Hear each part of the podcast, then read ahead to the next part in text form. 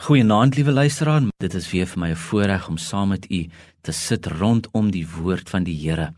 Vanaand kyk ons na baie bekende gedeelte daar in die Saligsprekinge. Ons begin eintlik daar. Matteus 5 en vers 3 sê: Salig is die wat arm van gees is, want aan hulle behoort die koninkryk van die hemele.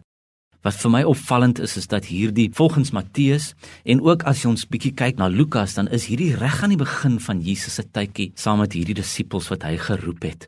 En ek het al gewonder as hierdie disippels 'n prospektus moes gelees het, soos wat ons maar dikwels as ons moet gaan uh, gaan swat iewers of ons kinders moet iewers gaan swat, dan uh, sal ons na prospektus kyk van hierdie plek, hierdie plek van hoër onderrig En uh, ons sal lees van die dinge wat hulle doen en die die kursusse wat hulle gee.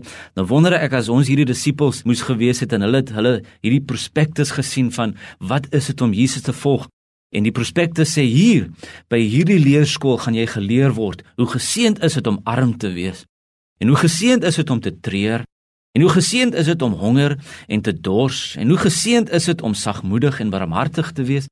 Dan wonder ek of hulle nie miskien gesê het, "O, ek weet nie. Dit klink bietjie swaar, klink bietjie moeilik. En tog is dit hoe die Here begin het om met sy disippels 'n pad te stap. Toe hy vir hulle gesê het kom en leer by my, is dit juist die begin.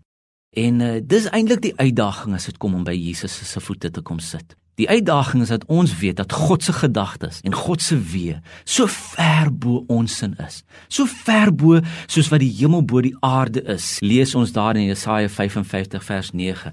Want soos die hemel hoër is as die aarde, so is my weë hoër as julle in my gedagtes as julle sin. So dis moeilik en dis uitdagend. So ons moet weet as ons aan sy voete kom sit, dit gaan uitdagend wees.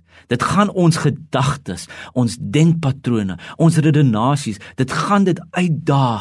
Dit gaan dit miskien moeilik maak om dit altyd te verstaan, maar dis nou juist die wonderlike dat Jesus sê maar ek wil jou leer. Dankie dat ons dit by hom kan leer. Is dit nie wonderlik nie? Ek wil jou leer. Ek wil dit wat in my gedagtes is met jou deel. Hoe wonderlik is dit? Kom ons reageer daarop. Kom ons bid. Sê Here, dankie dat ek aan u voete kan kom sit. Dankie Here dat my gedagtes maak my dikwels so verward om te probeer om al hierdie dinge uit te pleis wat in my lewe aangaan en in die lewe rondom my. So dank ek U Here dat ek nou vir U kan vra Here kom deel met my U gedagtes. Kom help my om na U te luister.